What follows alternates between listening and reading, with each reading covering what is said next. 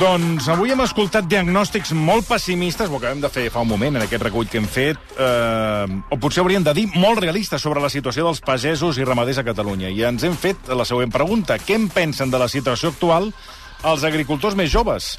Veuen el futur més negre o podríem dir que hi ha alguna certa esperança? Marc Serra, bona tarda. Bona tarda. A Com en qualsevol feina, hi ha perfils de tot tipus, però avui ens hem centrat en les noves generacions de pagesos del nostre país.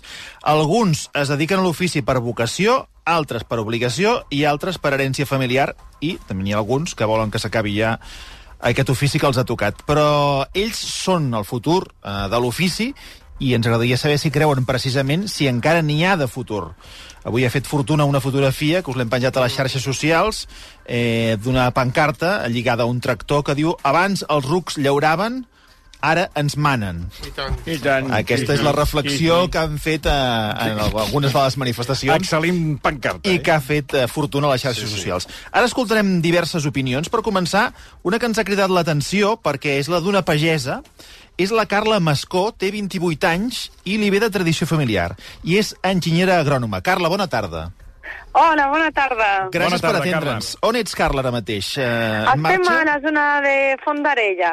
Fondarella. Parats aquí a la concentració amb tots els tractors. Estàvem escoltant els nostres companys d'informatius que hi havia una certa incertesa sobre el que podria passar demà. No sé si vosaltres ho heu decidit en aquest sector.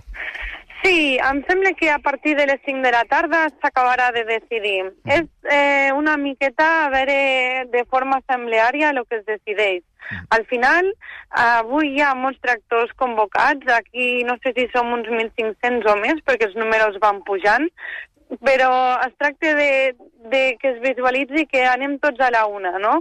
Que estem lluitant cada dia i que volem almenys que la gent en sigui conscients i, i visualitzar la situació que patim cada dia més complicada. Llavors, si aquí se'ns comença a escoltar, pot ser que ens quedem aquí, no? Eh, si ens hem de desplaçar, ens desplaçarem. Molt bé. Escolta, Carla, el teu cas m'ha interessat molt. Tens 28 anys, ets enginyera Sí. agrònoma, i jo amb el panorama que estem explicant durant tot el dia, el Basté i nosaltres, jo hauria plegat veles i m'hauria dedicat a una altra cosa. Tu això perquè ho continues, i no només ho continues, sinó que et gradues, fas una enginyeria. Per què? Bueno, al final tot és vocació, però passió també, no? Tu, quan proves un ofici que t'agrada, que eh, ja no t'ho prens com a només obligació, sinó també com a hobby. Veure créixer, que la feina eh, té la seva compensació, el problema és que cada cop menys eh, s'han s'han pujat costos de producció, tot el tema del canvi climàtic, la sequera que ens afecta directament.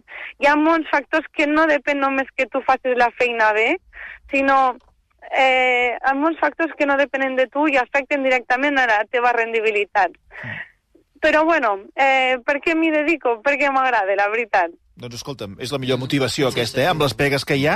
Eh, Sí. Abans la Míriam eh, ens oferia un fragment que, que crec que ha sigut molt, molt colpidor, d'un pagès que deia que a la seva filla no, no la volia veure en aquesta feina eh, i que era com un mal que no li desitjava, no? Tu també ets filla de pagesos, com, com valores aquest tipus d'afirmacions? Molt interessant. Jo em vaig trobar amb el mateix cas. Eh, mon pare, al cel sigui, sempre em deia nena, fes-te funcionària, no? Una frase mm, molt típica, però realment mostra una preocupació. Ho pots prendre amb més o menys serietat, però és de dir, jo faig el que m'agrada, però si t'agrada una altra cosa, millor que millor, no? Que no sigui la pagesia. I no li vas fer cas? És veritat. No li vaig fer massa cas. Uh, Carla, uh, ets dona, ets pagesa, uh, et tracten millor, pitjor, igual? Sí que som minoria les dones, em sembla que amb data del 2022 érem un 19% de dones afiliades al sector primari. Vull dir, és clara minoria. Avui, com altres dies, eh, es veu, no? Eh, N'hi ha, ha molt poques, però no ens tracten diferent. És hasta un punt de respecte eh, crida l'atenció. En cap cas eh, et sents eh, perjudicat pel simple fet de ser dona, em sembla. És curiós. No, no, escolta'm, me n'alegro molt. Eh, eh, aquest matí estàvem fent, eh, fent petar la xerrada i m'ha Sí. una cosa que també m'ha cridat l'atenció, que em deies que us trobeu aïllats de la societat, els pagesos, i també criminalitzats. Eh, a veure si m'ho pots explicar, això.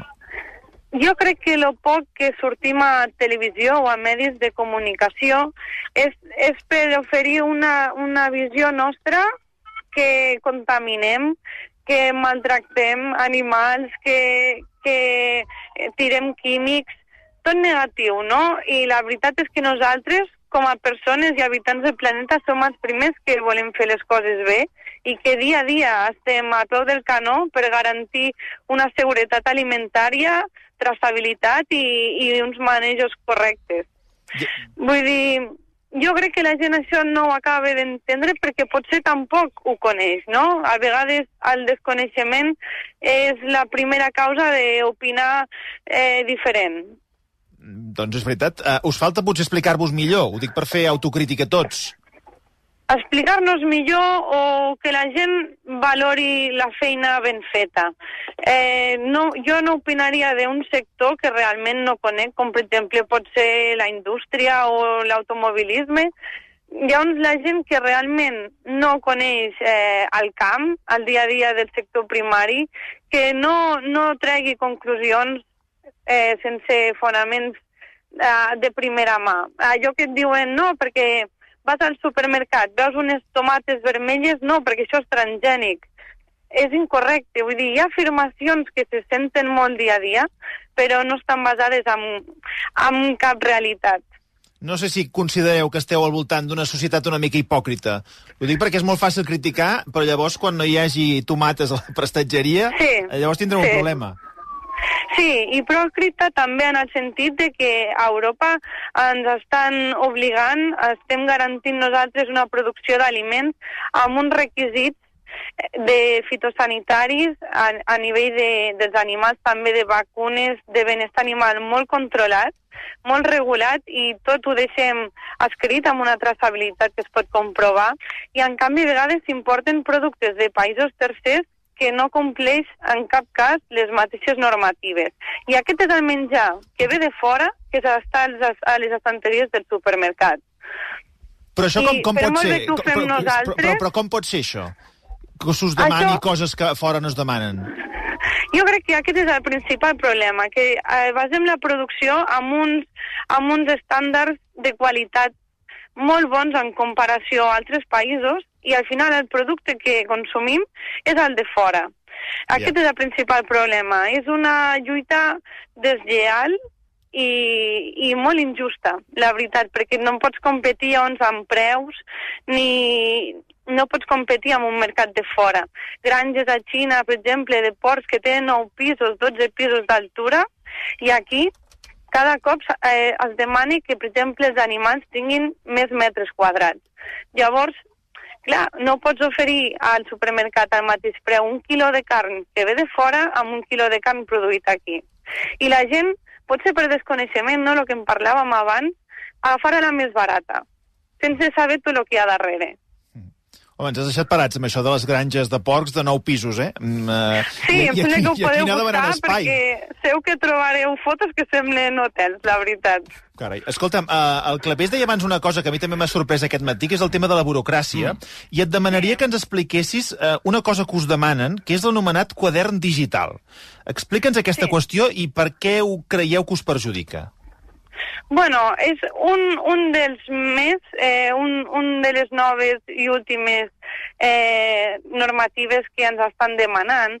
Fins ara, tot el que produïem ho apuntem en un quadern, no? que és per poder seguir la traçabilitat de tot el producte que generem. Apuntem tots els, els tractaments que es fan a, als cereals o als cultius, dates de recolecció, eh, abonats, vull dir, tot el que anem fent eh, al producte ho anem apuntant. Que això ja és feina, però bueno, ho fem.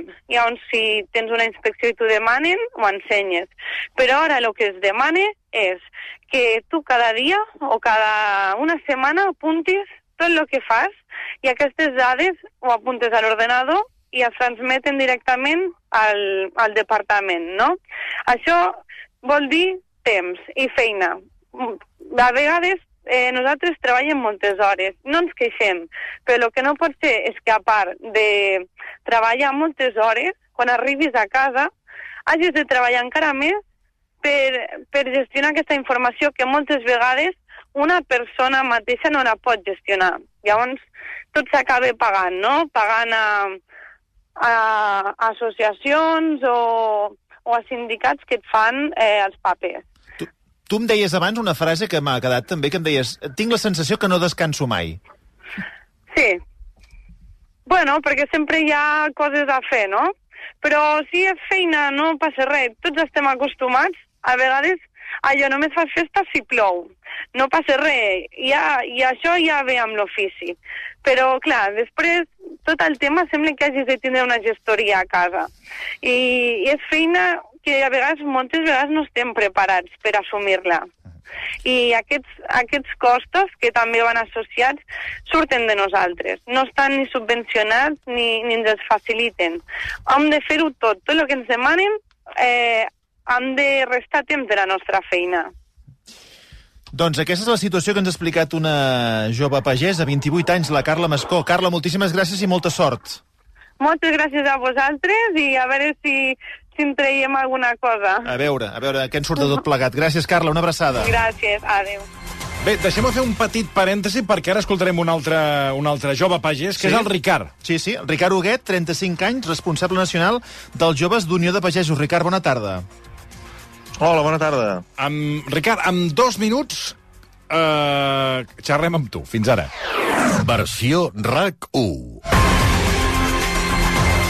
Doncs ja tornem a ser amb vosaltres. Anem amb aquest eh, segon testimoni, que és el Ricard. Sí, eh, la Carla ens deia que de futur n'hi ha, sobretot ella eh, ho fiava molt a la passió que sent, no tant eh, pels impediments que els hi posen. I no sé, Ricard, eh, si tu sents aquesta passió o ja estàs una miqueta més cremat que la Carla. Home, de passió, clar que la tenim, si no, no faríem el que fem. Total, clar, sí, sí. Aquest matí un company teu deia tinc 65 anys i sense relleu generacional. Al final d'aquesta dècada faltarà menjar els prestatges. I estàs d'acord? Com ho veus? Jo no hi estic d'acord que faltarà el menjar. El menjar que tindrem serà d'un altre tipus i vindrà d'un altre lloc. És a dir, aquí l'important és si estem d'acord eh, amb un model de gestió del territori i de, la, i de gestió de la sobirania alimentària, que seria un model de pageria familiar, que és el nostre model de Catalunya, o un model de l'agroindústria i amb grans empreses i amb una exportació, bueno, com la, o amb una importació, de fet, de productes de fora, que és el que s'està tendint cap aquí, no? La pregunta de la tarda és, ja que parlem amb pagesos joves, eh, la teva feina, la vostra feina, té futur? Eh, a quants anys vista? Doncs clar que té futur. Té futur, però ens han de deixar tenir futur. Però això jo ara pregunto també, eh, perquè estem aquí molt sentats amb la pageria, que, que, que és un sector, bueno, ja, ja, ja ho esteu veient, no? Però i les petites ferreteries, i el petit comerç de barri, i, i els petits artesans? És a dir, potser és un model de societat i un model econòmic que ens està portant cap aquí. L'únic és veritat que la pagesia ja hem arribat al límit ja de, de, de, de, de que ens volen fer normalitzar la precarietat i l'agonia. I això, doncs mira, ens hi rebel·lem, no? perquè, perquè no ens dona la gana. Volem viure també dignament de de la terra. En el teu cas, la feina et ve de família o no? No, no, no, jo vaig començar de zero. I com és això? Sí. És que em, fa, em, em sorprenen aquests casos, ja m'agrada que n'hi hagin ja, però, Però- és que portem 24 hores a explicar un munt de problemes i quan trobes algú que diu no, no, mira, m'hi vull dedicar, eh, trobo que s'ha d'explicar. Digues, digues. Doncs mira, és molt senzill i, i és a dir, la cosa és per què no pot ser un ofici que ningú sorprengui que algú pugui triar perquè, perquè vulgui, no? Per què ha de ser una cosa tan bucòlica, una cosa tan folclòrica de que, oh, és que ha triat fer-se pagès, coi, i per què ha triat fer-se uh, lampista, o per què ha triat treballar uh, en una oficina, coi, doncs perquè ha volgut, no? Doncs aquest igual, és a dir, uh, no ha de ser una cosa llunyana de la, de la realitat de la societat, coi, doncs clar, ho vaig triar, per què? Perquè m'agrada, perquè, perquè ho vaig triar així, com un altre ofici. És a dir, el, eh, la nostra missió com a societat és posar els mitjans perquè tothom pugui triar el seu futur, no? Doncs també hem de normalitzar i hem de posar els mitjans que aquest futur que el pugui triar qualsevol lliurement i que, el, i que pugui desenvolupar-se amb dignitat, com tots els altres. I per tant li recomanaries a un fill o un familiar que s'hi dediqués, ara mateix? No sé què dir-te. És a dir, sí, però amb unes condicions. Això sí. La, la satisfacció que, que, que t'aporta aquest ofici és, és molt gran, molt gran. I això crec que ho compartim tots. Però hi ha d'haver unes condicions per poder-se desenvolupar a nivell econòmic, social i personal amb aquest ofici. Això està clar. Ara mateix la situació no és fàcil. Eh, és evident, per això som als carrers. Avui eh, m'explicaves una qüestió que també l'he trobat molt paradox paradoxal, que és que em deies que sou segurament la generació més informada de la història, per tant, que pugen pagesos amb, amb molts recursos, amb molts estudis, però potser que, paradoxalment, es troben amb la situació més complicada que hi ha hagut en anys. Oh, esclar. Som la generació més ben preparada tant ja amb l'educació, diguéssim, regular, com amb, les nostres, amb la nostra especialització dins del sector.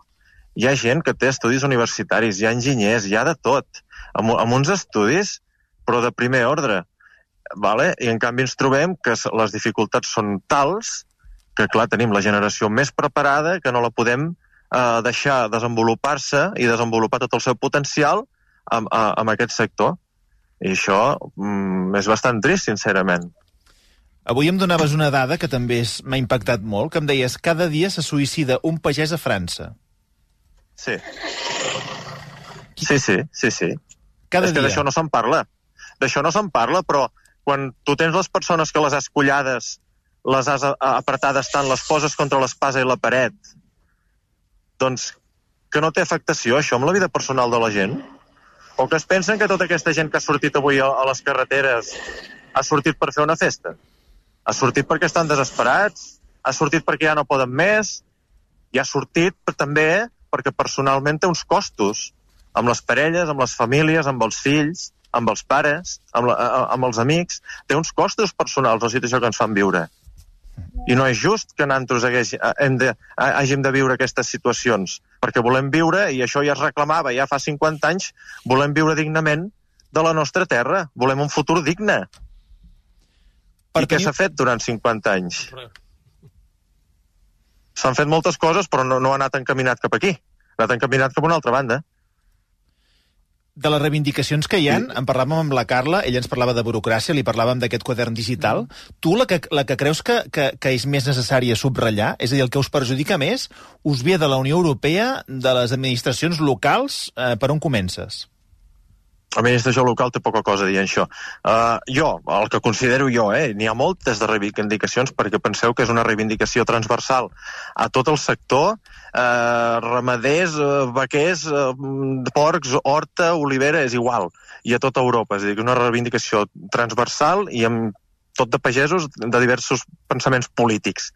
Però sí que hi ha una cosa que és molt paradoxal, no?, i molt important. Com pot ser que la Unió Europea ens obligui, i nosaltres n'estem ben orgullosos, perquè jo personalment estic ben orgullós de tenir l'agricultura, la producció d'aliments més justa, socialment, laboralment, eh, mediambientalment, la més neta, la més perfecta, la més de tot, de tot el món, i resulta que tenim la santa cara d'autoritzar des de la Unió Europea pels pactes dins l'Organització Mundial del Comerç, això ja és politiqueig i mercadeig amb la nostra sobirania alimentària, que entrin aliments, que entrin productes alimentaris amb tot d'aquestes condicions que nosaltres hem de, com de complir, que aquests productes no els compleixen. És a dir, una cosa que heu estat dient vosaltres aquests dies, i, i avui a la ràdio i als mitjans de comunicació, és que nosaltres ens oposem que entrin productes a fora de la Unió Europea. No, senyors, no ens hi oposem pas, perquè llavors també ens oposaríem que en sortissin. Però, si han d'entrar aquests productes, el que hauria de ser és que entressin, com a mínim, amb una competència justa i que complissin el que nosaltres complim aquí.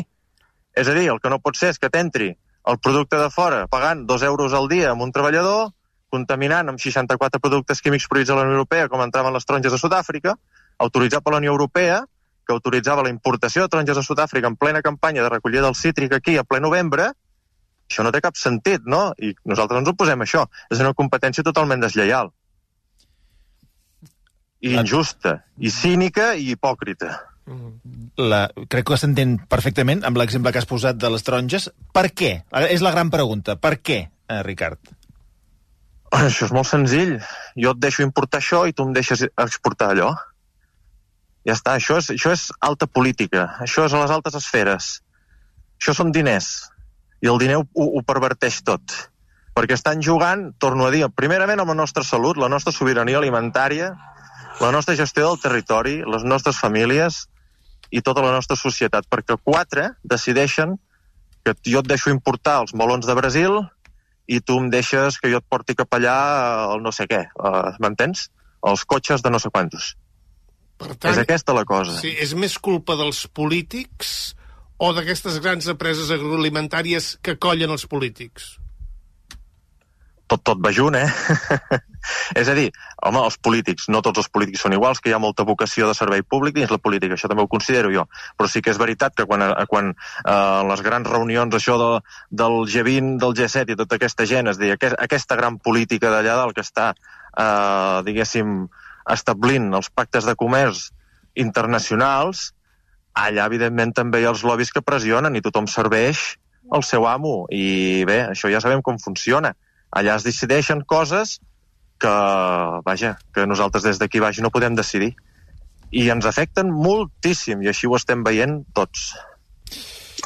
Ricard, eh, clar i català, eh, una abraçada, moltíssimes gràcies i molta sort. Vinga, moltes gràcies a vosaltres i aneu seguint que això ho hem d'aconseguir i us necessitem també. Aquí estarem. Sí. Ricard, gràcies. A vosaltres. Adeu. Gràcies, Gràcies. Ricard Huguet, eh, que, en fi, amb 35 anys parla, en fi, com, com Sí, si noi. tingués 70, eh, de la coherència i del sentit comú que, que, que ens estava exposant. Bé, dit això, el govern, eh, en aquest cas el govern de català, dona suport a les mobilitzacions dels pagesos. N'acaba de fer una valoració, Míriam Díaz, el conseller David Macort. Mas- Exacte, des del Parlament, on està compareixent per donar detalls de la sequera, ha volgut tenir unes paraules doncs, pels pagesos. un missatge de comprensió, d'empatia, de solidaritat, d'entendre perfectament quina és la seva situació. De fet, fa uns quants anys ja que treballem plegats amb ells per intentar resoldre força de les problemàtiques que ens generen eh, tantes circumstàncies no desitjades ni per ells mateixos, ni per aquest govern, ni pel conjunt del país. El govern, però, ha deixat clar que no té les competències per solucionar eh, alguns dels problemes de la pagesia que, que avui demanden. A qui podem saludar a aquesta hora és el Carmel Mòdul, secretari d'Acció Climàtica, Alimentació i Agenda Rural. Eh, Bona tarda, Carmel. Molt bona tarda. El, el govern no pot fer, ho acabem d'escoltar amb el conseller David eh, Mascort, no pot fer res per, per ajudar amb tot el, que, tot el seguit de reivindicacions dels pagesos eh, a dia d'avui? Bueno, el govern primer us ha de felicitar per les dues entrevistes anteriors, perquè donen una imatge fidedigna de lo que és la mentalitat pagesa d'aquest país, i han set dues entrevistes de 10, perquè hem parlat amb molta claritat. I el govern, com me preguntàreu, sí que fa coses per això, és a dir, una altra cosa és que el que fem eh, té unes limitacions, que és el grau competencial. Sabeu que el grau competencial en agroalimentació comença a Europa, eh, passa a l'estat espanyol i finalment a les regions, que són les que, eh, és el cas de Catalunya, que és la regió europea, eh, que és la que aplica aquella normativa que ve fixada en unes altres instàncies. Per això, moltes vegades, rep el funcionari del departament quan no hauria de ser així, quan la, realment l'origen de la tragèdia és més amunt. Ho han assenyalat molt bé els dos intervenents anteriors. Eh? Hi ha àmbits, eh, des del punt de vista legislatiu, que només se poden transformar i corregir allà on toqui, que és a Europa i a partir d'aquí avall. Eh, què passa? Que hi ha una mentalitat dominant, la Carla en parlava eh, un mainstream, no? eh, ho parlava molt clarament al començament, de que eh, hi ha una mentalitat com si el pagès fos el gran perversor dels eh, sistemes. I no és aquesta la qüestió, és el gran col·laborador, i més a Catalunya, dels sistemes per fer cada vegada uns aliments més sants, més saludables i més sostenibles. Eh, una de les reivindicacions que a mi m'han sorprès durant tota aquesta jornada és la... Eh, tots eh, reivindiquen, una de les coses que reivindiquen és la gran eh, burocràcia que, que han d'assumir, no? la gran paperassa. Um, què, què n'ha de dir de, respecte a tots aquests, eh, tota aquesta burocràcia de la qual es queixen els, els pagesos? No, no, eh, els donem la raó. De fet, aquí una comissió que està treballant d'acord amb ells en de quina manera podem eh, minimitzar al mínim el, els efectes de lo que genera Catalunya, eh, però a Catalunya genera una part molt petita d'aquesta burocràcia. Té imposada, per exemple, l'anterior consellera, l'antecessora del, del, del David Mascor, quan eh, el quadern aquest digital d'explotació es volia posar en marxa, va avisar l'Estat que faríem eh, des de Catalunya faríem una espècie de, de vaga de, de competències, perquè no hi estàvem gens d'acord en com ho volien tirar endavant. Per això emana de més amunt. L'Estat fa una transposició i després la passa a les comunitats. Eh, realment de burocràcia a Catalunya se'n genera molt poca Eh, I bé, eh, ara sí, l'administració catalana és la que ha d'acabar aplicant una burocràcia, per això assenyalava jo el cor del problema, eh, que se, genera més amunt, no? Què, què fem eh, a Catalunya? Intentar eh, dotar el sector d'eines que els permetin eh, corregir l'impacte d'aquesta burocràcia i pressionar més amunt, miri, el, el mateix cap de gabinet del comissari d'Agricultura eh, fa poc temps a Tarragona vaig tenir l'oportunitat de dir-li que un 20% del temps del meu equip s'ha dedicat a intentar explicar coses que la gent no entén i que l'administració tampoc entenem perquè eh, s'apliquen eh, unes determinades mesures amb una mentalitat dominant i no es té en compte aquell que les ha d'acabar implementant, que és el pagès. La Carla l'ha dit molt bé, quan acabes el dia, eh, el que no pot ser és que a sobre t'hagis de tancar passant de la família a, a, a fer els papers d'aquell mateix dia. Això ha d'estar molt més ben pautat. I s'ha d'exigir, s'ha de demanar, a la línia del que deia el Ricard, allò que fa falta, però, però no el que és informació eh, eh, suntuària. Però el problema més gros el tenim amb la qüestió si la gent se guanyés bé la vida, probablement els eh, recursos que s'haguessin dedicat a fer aquesta gestió el propi país, com ha fet eh, sempre, els, els eh, generaria. Però, eh, ara ho ha explicat el Ricard amb el tema de les clàusules mirall. El que no pot ser és que aquí siguem molt exigents amb els de casa, que ja està bé, però en el que ve de fora hem de tenir el mateix grau d'exigència. Si el tema és per salut, per salut. Si el tema és per sostenibilitat, per sostenibilitat. Però la mateixa exigència aquí que la mercaderia que ve de fora i una traçabilitat a prova de bombes. Cosa que en aquests moments la que la Unió Europea no està fent. Doncs. Però aquesta és una qüestió. doncs senyor Model, anem amb, amb una de les coses que sí que potser es pot eh, solucionar o intentar solucionar des d'aquí, que és el tema dels costos de, de producció. Com es pot fer perquè si un quilo de préssecs val 42 cèntims, no es pagui per sota de- d'això? Eh, com ho fem? Miri, el, aquí hi ha, hi ha una declaració de bones intencions a l'Estat. Aquesta, aquesta sí que és competència estatal, que és la llei de la cadena alimentària. Jo dic que, que és de bones intencions perquè és una música que sona bé, però està dissenyada d'una manera que a la pràctica és inaplicable, és molt poc eficient, fins al punt de que l'agència laica, que és l'agència que controla la cadena alimentària, no ha pogut eh, fer cap eh, sanció ni cap expedient per males pràctiques i nosaltres estem treballant amb un parell, però és tan farragosa la llei que, que ho fa molt difícil, perquè el particular ha de portar una quantitat de més burocràcia, més, eh, més eh, càrrega administrativa encara, per demostrar que se l'està pagant per davall del seu preu de cost. Nosaltres que vam proposar a la llei, que no se'ns va acceptar perquè el pacte PP-PSOE, és que sorpreses de la vida, ho van fer impossible quan ens pensàvem que el Senat guanyava i que teníem aquesta esmena guanyada, que els observatoris, que Catalunya el tenim, l'Estat el té, de la cadena alimentària, que nosaltres aquí publiquem dels, com hem començat, pels productes més problemàtics, la llet, els plàstics i les nectarines, el preu del raïm. Publiquem el cost mitjà de fer un quilo de qualsevol d'aquestes coses, un litre, aquests productes alimentaris, mitjà a Catalunya. I el que demanàvem és que aquest cost fos agafat com a cost de referència pels contractes alimentaris. Però, eh, diuen, no, no, el cost l'ha de fer el propi pagès o ramader que ha de justificar els seus costos individuals. Clar, això fa la llei a la pràctica in inaplicable, perquè, perquè, perquè bueno, a la pràctica mos ho diu, eh? porta un any i mig de vigència la llei i encara no s'ha eh, no ha tingut mesures des de resultats des d'aquest punt de vista. Ara, i eh, crec que la Teresa Jordà, que coneix perfectament el tema, perquè era consellera quan treballàvem aquestes coses, ja la tenim de portaveu a Madrid, eh, reclamarà que hi hagi una actualització de la llei, com li vam i estem demanant nosaltres al Ministeri, perquè són ells els competents, perquè es corregeixin aquestes malvestats. Si es poden corregir això, farem un pas de gegant. Si donem uns preus de referència. Nosaltres aquí, com que no tenim autoritat legal per fer-ho, què fem?